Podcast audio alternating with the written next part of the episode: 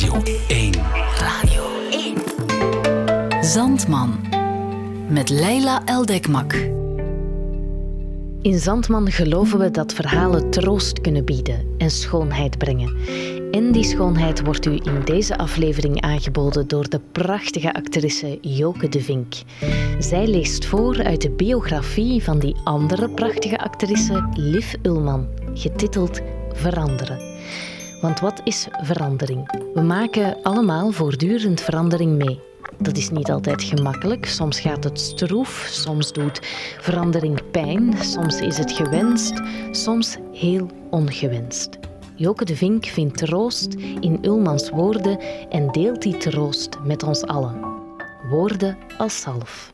Dit is Joke de Vink.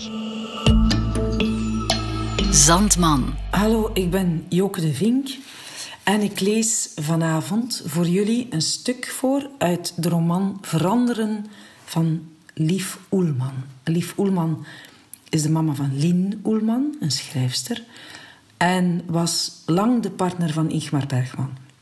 Het is eigenlijk een soort dagboek van een actrice zijnde Lief Oelman.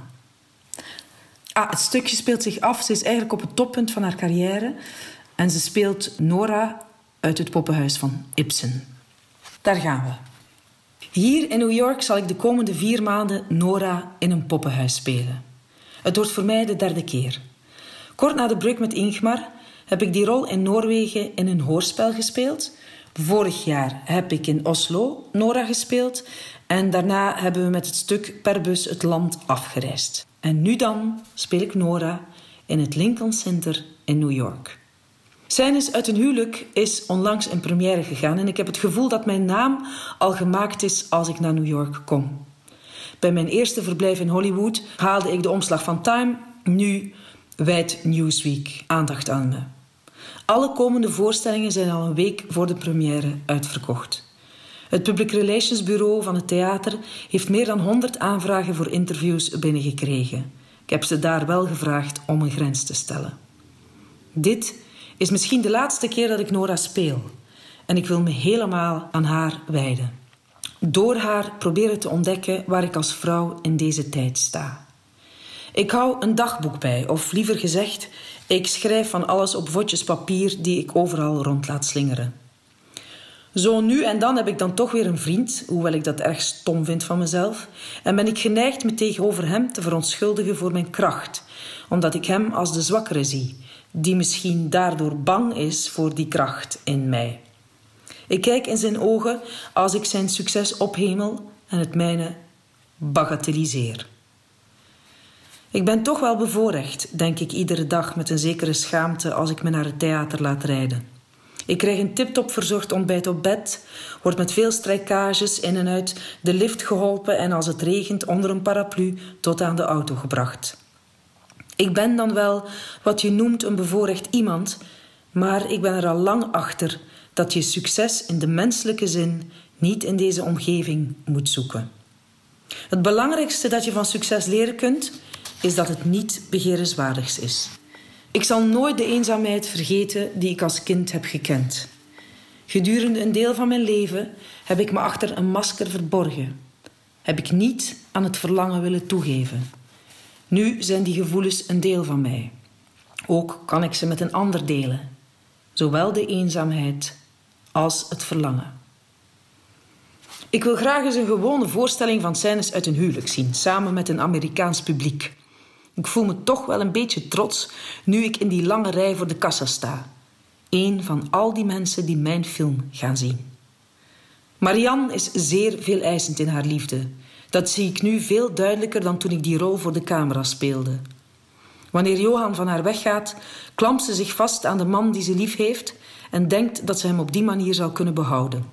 Innerlijk wil ze niet accepteren dat alles voortdurend in beweging is, ook de liefde, en dus gehoorzaamt aan de wet van de verandering. Ik huil wanneer Johan weggaat, net als de vrouw die naast me in de donkere bioscoop zit. Ik weet precies wat voor gevoel je hebt als er een deur dichtslaat, als je een auto hoort wegrijden. De stilte daarna, die duidelijker dan wat ook aangeeft dat alle hoop vervlogen is, dat alles voorbij is. Jarenlang heeft Marianne een deel van haarzelf braak laten liggen. Een terrein waarop door een traditionele opvoeding alles in de kiem is gesmoord. Haar visie op het leven berust op conventie en gebrek aan fantasie. Liefde was voor haar tot op grote hoogte identiek met afhankelijk zijn. Ze heeft geprobeerd de basis van haar leven in een ander mens te vinden. In het optimistische geloof dat zijn kracht, zijn kracht wel toereikend zou zijn voor hen beiden. Ze heeft zich veilig gewaand, gesteund door de gevoelens die hij, hoopte ze, voor haar koesterde. En nu is er die stilte. Hij is van haar weggegaan. Razend en wanhopig schreeuwt Marianne het uit van verdriet.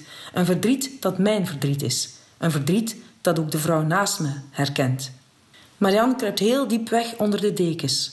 Ze wil er nooit meer onder vandaan komen. Nooit zal ze weer helemaal de oude zijn. Er zijn mensen die net doen als Nora. Die slaan de deur achter zich dicht en anderen lijken meer op Marianne en kijken op een gegeven moment toch weer voorzichtig van onder het beddensprei uit dat urenlang hun snik heeft gedempt. Er is iets veranderd. Het oude leven is voorbij. Het nieuwe is alweer begonnen. Ik zou zo graag willen dat het me gegeven was mijn hele leven lang een hand in de mijne te voelen, zonder eisen te stellen. Maar ik sta mezelf in de weg. Ik ben één bonk angst, alsof ik opeens mijn tekst kwijt ben, angst voor eenzaamheid. Een en al onzekerheid belichaamt in de mens lief. Nora staat in de deuropening en zegt: Ik weet niet wat er van me wordt. Ik weet niet waar ik heen ga. Ik weet alleen dat ik me niets meer aantrek van wat anderen zeggen. Ik moet mijn eigen weg zoeken. Liggen hier niet de mogelijkheden die het leven biedt?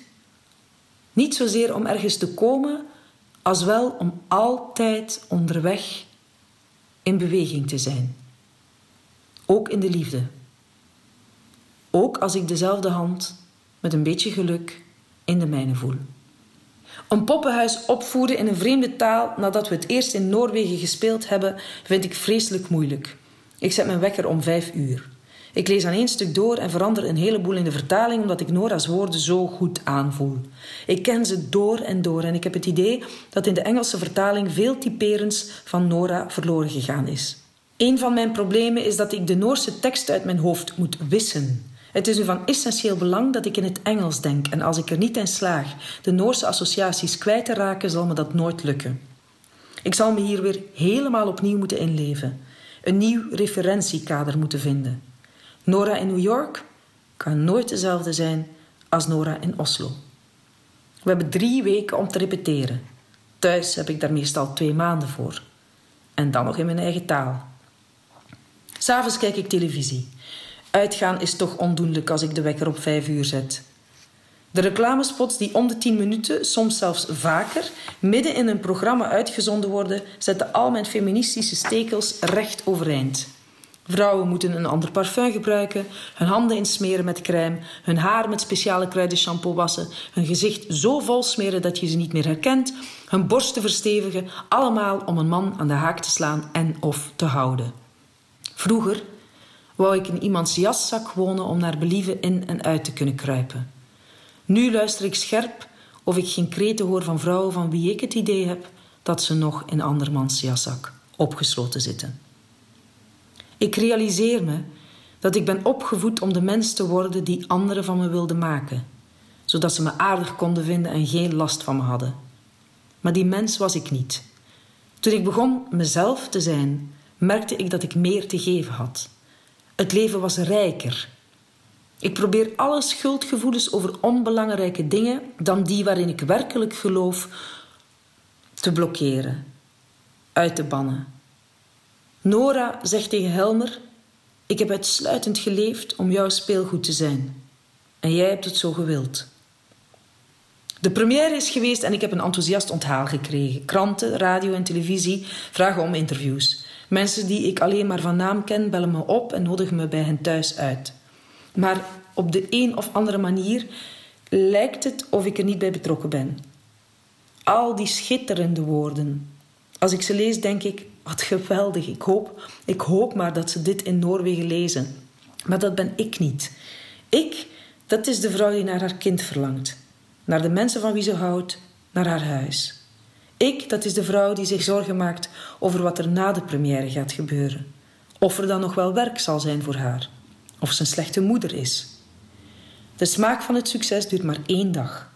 Je komt er even mee op adem na een tijd van hard werken en dat is ook goed. Maar dan is de kans op een wansucces zoveel te reëler. Want op een succes kan alleen een nog groter succes of een fiasco volgen. Ik wil in mijn werk steeds iets menselijks uitbeelden. Iets waarmee je kunt identificeren. Iets dat de boodschap overbrengt dat het voor mensen mogelijk is erbij te horen. Dat het mogelijk is daarnaar te verlangen. Zodat die mensen altijd het gevoel gehad hebben dat ze niet bijhoorden, begrijpen dat ze niet alleen staan in dat verlangen. Met scènes uit een huwelijk had ik de kans anderen te bereiken. Omdat er zoveel mensen zijn die zichzelf erin herkenden, ook al was het maar voor even. De film gaat over communicatie, over samenleven met een ander mens, over anderen zien zoals ze zijn, niet als een masker dat de ware mens verhult. Geen enkele verhouding tussen mensen is volmaakt. Ik hoor geen violen als iemand me kust. Hollywood's Happy End is een kant-en-klaar product uit de filmfabriek, dat in het werkelijke leven niet te koop is. Een droomwereld die bedrieglijk is, omdat het mensen ertoe verleidt iedere keer weer achter andere leuzen aan te hollen, in de overtuiging dat ze dit keer de ware gevonden hebben. Als Marianne en Johan uit elkaar gaan, ontdekken ze banden die veel sterker zijn dan het huwelijkscontract. Ze weten dat ze op een ondefinieerbare manier bij elkaar horen. Want nadat ze elkaar vrij hebben gelaten, hebben ze iets over zichzelf ontdekt. Ze kennen zichzelf nu ietsje beter. Ze zijn niet volmaakt. Een vriendschap is geen volmaakte vriendschap. Ze zijn er niet zonder kleerscheuren afgekomen, maar ze hebben het overleefd. En elkaar weergevonden toen ze dachten dat alles al voorbij was. Marianne denkt constant over de liefde na maakt zich zorgen dat haar gevoel maar niet wil lijken op wat ze denkt dat het zou moeten zijn. Wat is liefde? Is dit wat ik voel, liefde? Het slot van de film geeft het antwoord. De tederheid die ze voor elkaar voelen, het feit dat ze nu bij elkaar zijn. In een simpel geluk. Dat is liefde, hun vorm van liefde. De rest is irreëel. Ik moet denken aan Christina en Karl Oskar in De Landverhuizers. Ze praten nooit met elkaar over wat de een voor de ander voelt. Ik geloof ook niet dat ze er veel over nadenken. Maar wanneer Christina duizenden kilometers van haar vaderland op sterven ligt, komt Karl Oskar op de rand van haar bed zitten, houdt haar hand vast en zegt heel rustig en beslist: Jij en ik zijn de beste vrienden. Mooier kan het niet gezegd worden. Voor we met een poppenhuis naar New York gaan, treden we eerst drie weken op in Philadelphia. We repeteren overdag en spelen s'avonds. Ik wil dat het publiek door Nora's masker heen kijkt en ziet hoe ze met haar omgeving speelt. Ik wil dat ze de pop zien dansen. Sommige acteurs leven zich in de details van een rol in. Naar mijn gevoel ligt de uitdaging meer daarin dat je in staat bent het werkelijke van een moment uit te beelden. De voldoening die me dat geeft lijkt op wat ik ervaar als ik schrijf. Ik schrijf een rol, een personage. Ik probeer op het toneel alles te vertellen wat ik van haar weet. Op dat moment benadert de actrice de schrijver. Wat ik op het toneel doe, mag niet alleen op mijn gevoelens gebaseerd zijn. Want in dat geval zou ik de ene avond geweldig spelen, maar omdat het allemaal mijn emoties waren, zou ik niet weten wat me deed lachen en huilen. En zou ik bij een volgende voorstelling niet eenzelfde prestatie kunnen leveren. Ik moet weten wat ik met Nora doe. In zekere zin achter haar gaan staan en haar aan het publiek voorstellen. Herkennen jullie deze vrouw? We zitten in een hotelkamer. Elke keer ben ik weer blij als we na een voorstelling allemaal bij elkaar komen. We zitten ook in zo'n akelig gribushotel. Ik ben s'nachts bang, slaap met het licht aan, hoor steeds maar geluiden die ik niet kan thuisbrengen. Vreemde, ongure types maken de straten onveilig. Een van de meisjes gaat iets halen op haar kamer. Ze komt niet meer terug. We vinden haar naakt op bed, vastgebonden met een prop in haar mond en verkracht. Er stond een man in de badkamer toen ze binnenkwam achter het douchegordijn. Hij schoof het opzij. Ineens stond hij voor haar, naakt met een zwarte kap over zijn hoofd en een broodmes in zijn hand. Ik help haar haar broek en trui weer aantrekken. De politie staat op de gang te wachten. Ze moet mee naar het bureau om ondervraagd te worden en daarna wordt ze voor een onderzoek naar het ziekenhuis gebracht. Een vrouw moet bewijzen dat ze is verkracht alvorens een klacht die ze indient au serieus wordt genomen. Het mes ligt nog op de grond, net als het masker en de prop uit haar kussensloop gescheurd hangt nog vochtig om haar hals. Maar dat is geen voldoende bewijs. Ze huilt niet, maar ik zal haar ogen nooit vergeten. Die spreken een taal die ik niet herken. Die nacht blijven we allemaal bij elkaar. We slapen met ons vijven in mijn kamer. De volgende dag verhuizen we naar een ander hotel. Ik heb nu via het theater de beschikking over een secretaresse. Ze heet Debbie. Ze is half zo lang als ik, maar energiek en gedecideerd houdt ze mensen die ik niet wil ontvangen op een afstand. De kapper heet Roy. Op een dag kom ik mijn kleedkamer binnen, die anders zo cool en zakelijk is, en zie dat er overal kleedjes en gezellig gebloemde kussens liggen. Over een stoel hangt een kapmanteltje van dezelfde stof. Dat heeft hij ook voor mij gemaakt. Nu is het jouw kamer, zegt hij. Je kunt al die dingen meenemen naar kleedkamers waar je later nog eens komt, en steeds zal het dezelfde kamer zijn. Mijn kamer. Een tijd lang staat er een gewapende politieagent voor de deur. S'nachts bivakkeert een lijfwacht in mijn zitkamer. Door de hele flat zijn draden gespannen.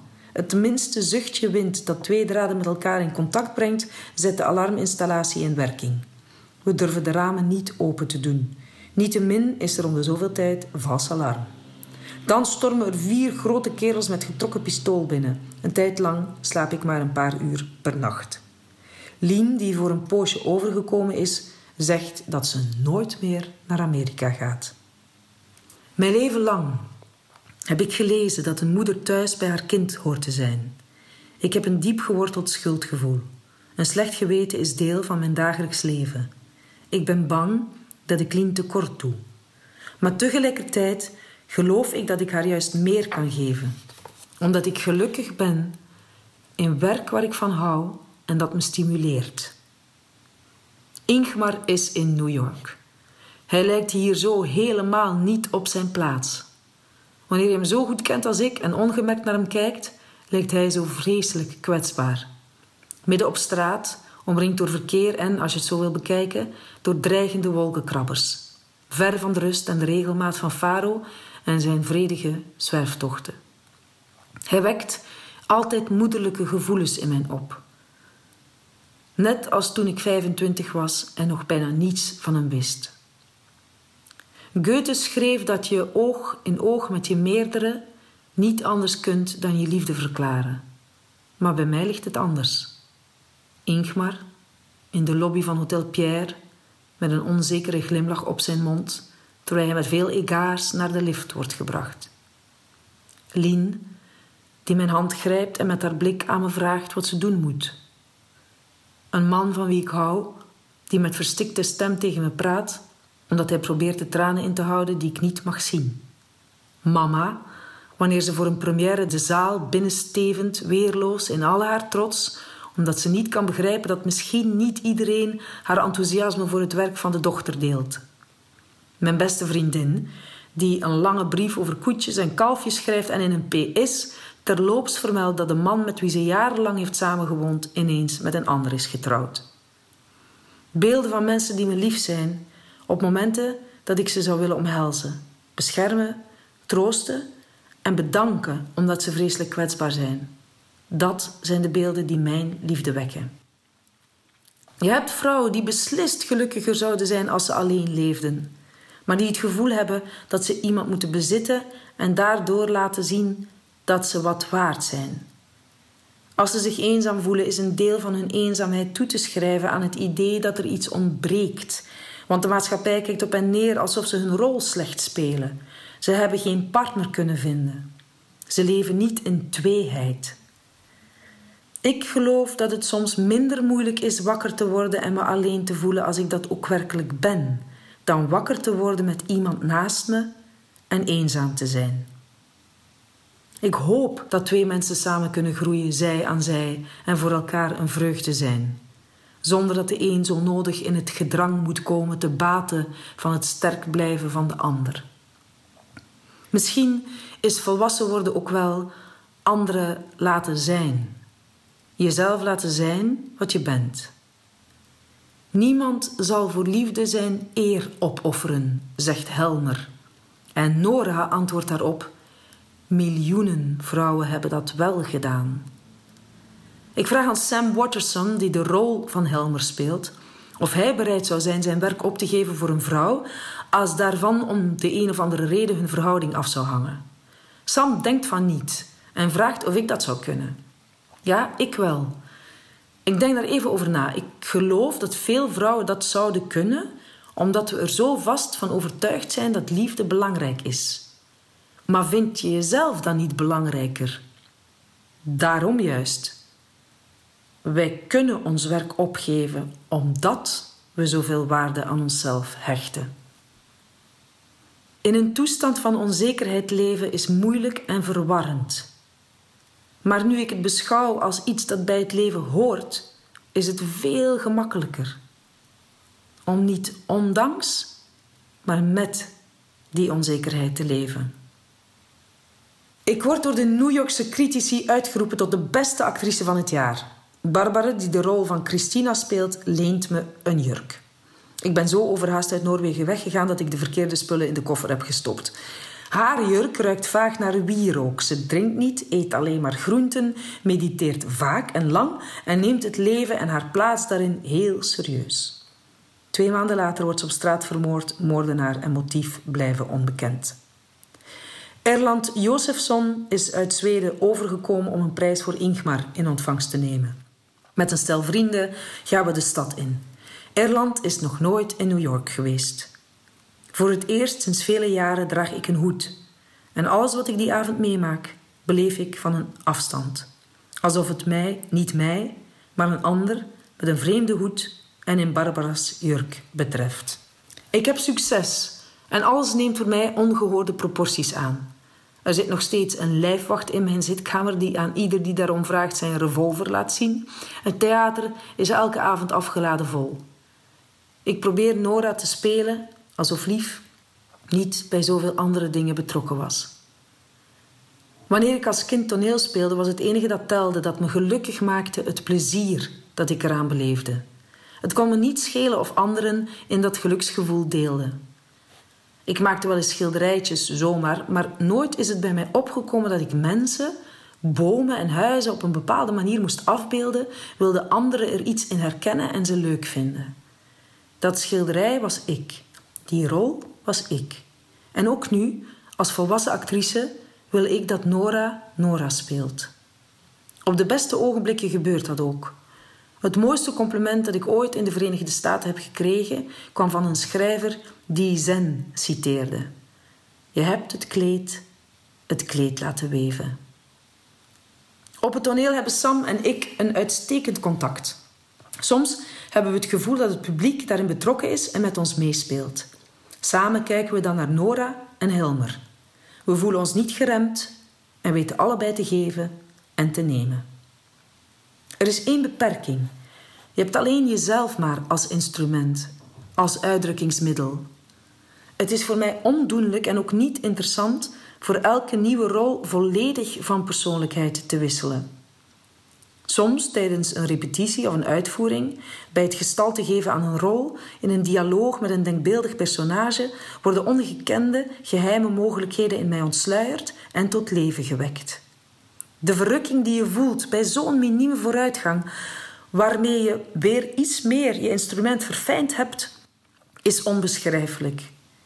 Ik sta op het toneel, ik ben Nora en plotseling ontdek ik dat ze trekjes heeft ontleend aan koningin Christina, een rol die ik vroeger eens heb gespeeld. Nora maakt gebaren die ze de eerste keer dat ik die rol speelde nog niet maakte. Haar stem heeft nuances die ik daarvoor niet met haar had geassocieerd. Maar die voortspruiten uit de wisselwerking tussen mij en de Zweedse koningin. Het is net of elke nieuwe rol alle vorige samenvat. Ik hou van Nora. Ze is prachtig en door Ibsen perfect getekend. Haar behoefte aan acceptatie, haar angst zich te laten zien zoals ze is. Een vrouw die het ene zegt, maar iets heel anders bedoelt. Die bij iedereen geliefd en met iedereen bevriend wil zijn. Die uitroept: Wees niet boos op mij als ze voelt dat ze iets kwetsend heeft gezegd. En die al die tijd haar geheime leven leidt en energiek en beslist allerlei financiële transacties sluit om het leven van haar man te redden. Deze vrouw, die de mensen om haar heen gebruikt en manipuleert terwijl ze hen tegelijkertijd wil helpen en van hen houdt, deze vrouw weigert op het beslissende moment iets te doen dat haar tegen de borst stuit. Het komt zelfs niet bij haar op misbruik te maken van de situatie als dokter Rank haar zijn liefde verklaart en haar smeekt het geld aan te nemen dat ze zo bitter nodig heeft. Net als Helmer is Nora een slachtoffer van onze maatschappij. Ze gedraagt zich op een wijze zoals te verwachten is van een vrouw, een echtgenote, een pop. Ze speelt haar rol zoals ook Helmer zijn rol speelt. Geen van beiden geeft de ander een kans, omdat ze zich steeds schikken naar de eisen van elkaars rol. Wanneer haar eindelijk de ogen opengaan, ziet ze ook in dat haar woede over alles wat onzuiver is in hun verhouding evenzeer tegen haarzelf als tegen hem gericht is.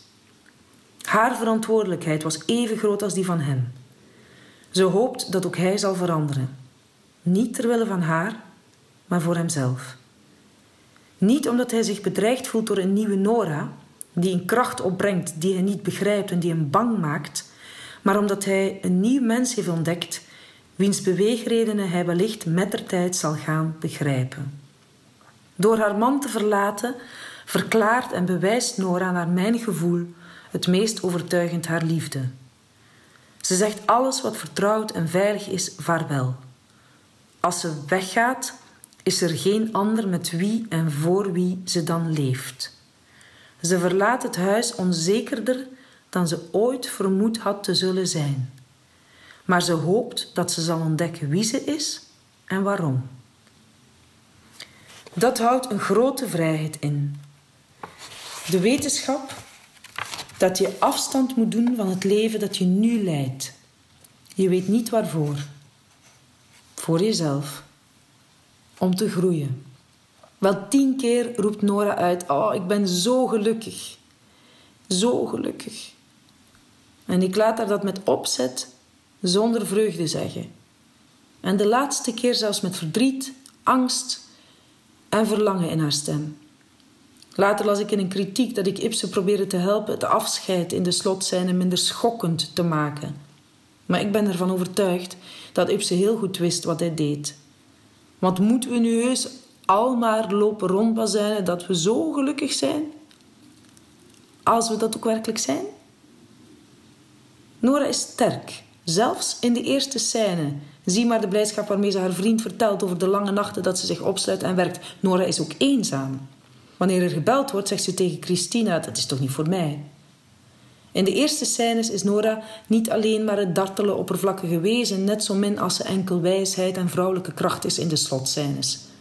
Voor mij is Helmers en Nora's laatste scène geen bravoure-stukje van Nora. Dat zou te makkelijk zijn.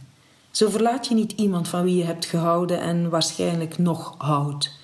Niet met fanfares en tromgeroffel stap je uit de vertrouwde omgeving en in een nieuwe vreemde wereld met zo weinig kennis gewapend. Nee, het is een klein meisje dat de deur achter zich dichtslaat. Een klein meisje dat bezig is volwassen te worden. Op het toneel is wat ik speel voor mij de werkelijkheid. Op dezelfde manier als mijn werkelijkheid uit acteren bestaat. Beide zijn deel van het geheel. Nora zegt in de allereerste plaats ben ik een mens. Ik ben een vrouw, een alleenstaande werkende vrouw met een kind. Ik heb in mijn leven alles gekregen wat een mens maar wensen kan, en nog veel meer. Ik heb liefde gegeven en liefde ontvangen. Ik heb pijn en verdriet gekend, maar ook geluk. Veel groter dan ik als jong meisje ooit gedroomd had te zullen beleven. Honger heb ik nooit gekend. Er waren alleen wel tijden dat ik mijn geld na moest tellen om te zien of ik boter in plaats van margarine kon kopen. Soms voel ik me gelukkig als ik morgens wakker word en een man kan toelachen die ik lief heb. Ik maak voortdurend veranderingen door. Voortdurend. Hoewel ik diep in mijn hart het meisje ben dat weigert te sterven. Wij die op dit moment leven, zijn slechts een oneindig klein partikeltje van iets dat al een eeuwigheid heeft bestaan en zal blijven bestaan. Ook wanneer er niets meer is dat eraan herinnert dat er ooit een aarde geweest is. En toch moeten we het gevoel hebben dat we niet dat kleine deeltje, maar het geheel zijn. Dat is onze verantwoordelijkheid. Niet alleen jegens onszelf, maar ook jegens alles en iedereen waarmee we ons leven hier delen. Wat is verandering? Is het iets dat in mij plaatsgrijpt? Of is het iets dat ik in anderen waarneem? Is het wellicht een nog sterkere, bewuste drang? En zo ja, waartoe leidt hij dan? Waar streef ik naar? Een zo goed mogelijk mens te worden? Of een zo goed mogelijk actrice? Wat wil ik eigenlijk doen met wat ik heb bereikt? Wat wil ik doen met die verandering? Misschien is het niet zo belangrijk om dat te weten. Misschien is het niet zo belangrijk de top te bereiken. Op 20 april 1975 speel ik voor het laatst Nora in New York. Na twee voorstellingen op zondag stap ik in het vliegtuig op weg naar Zweden, op weg naar Ingmar, om samen aan een nieuwe film te werken.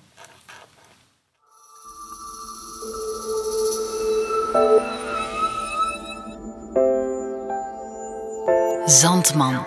De mooiste verhalen voor het slapen gaan. Dit was Veranderen van Lief Ulman, voorgelezen door actrice Joke de Vink voor het programma Zandman van Radio 1. Meer info vind je op onze website radio1.be. En in de volgende aflevering leest acteur Dirk Roofdhoofd een kort verhaal. Ik waarschuw je, het is een kort verhaal dat je bij de keel grijpt en je niet meer loslaat.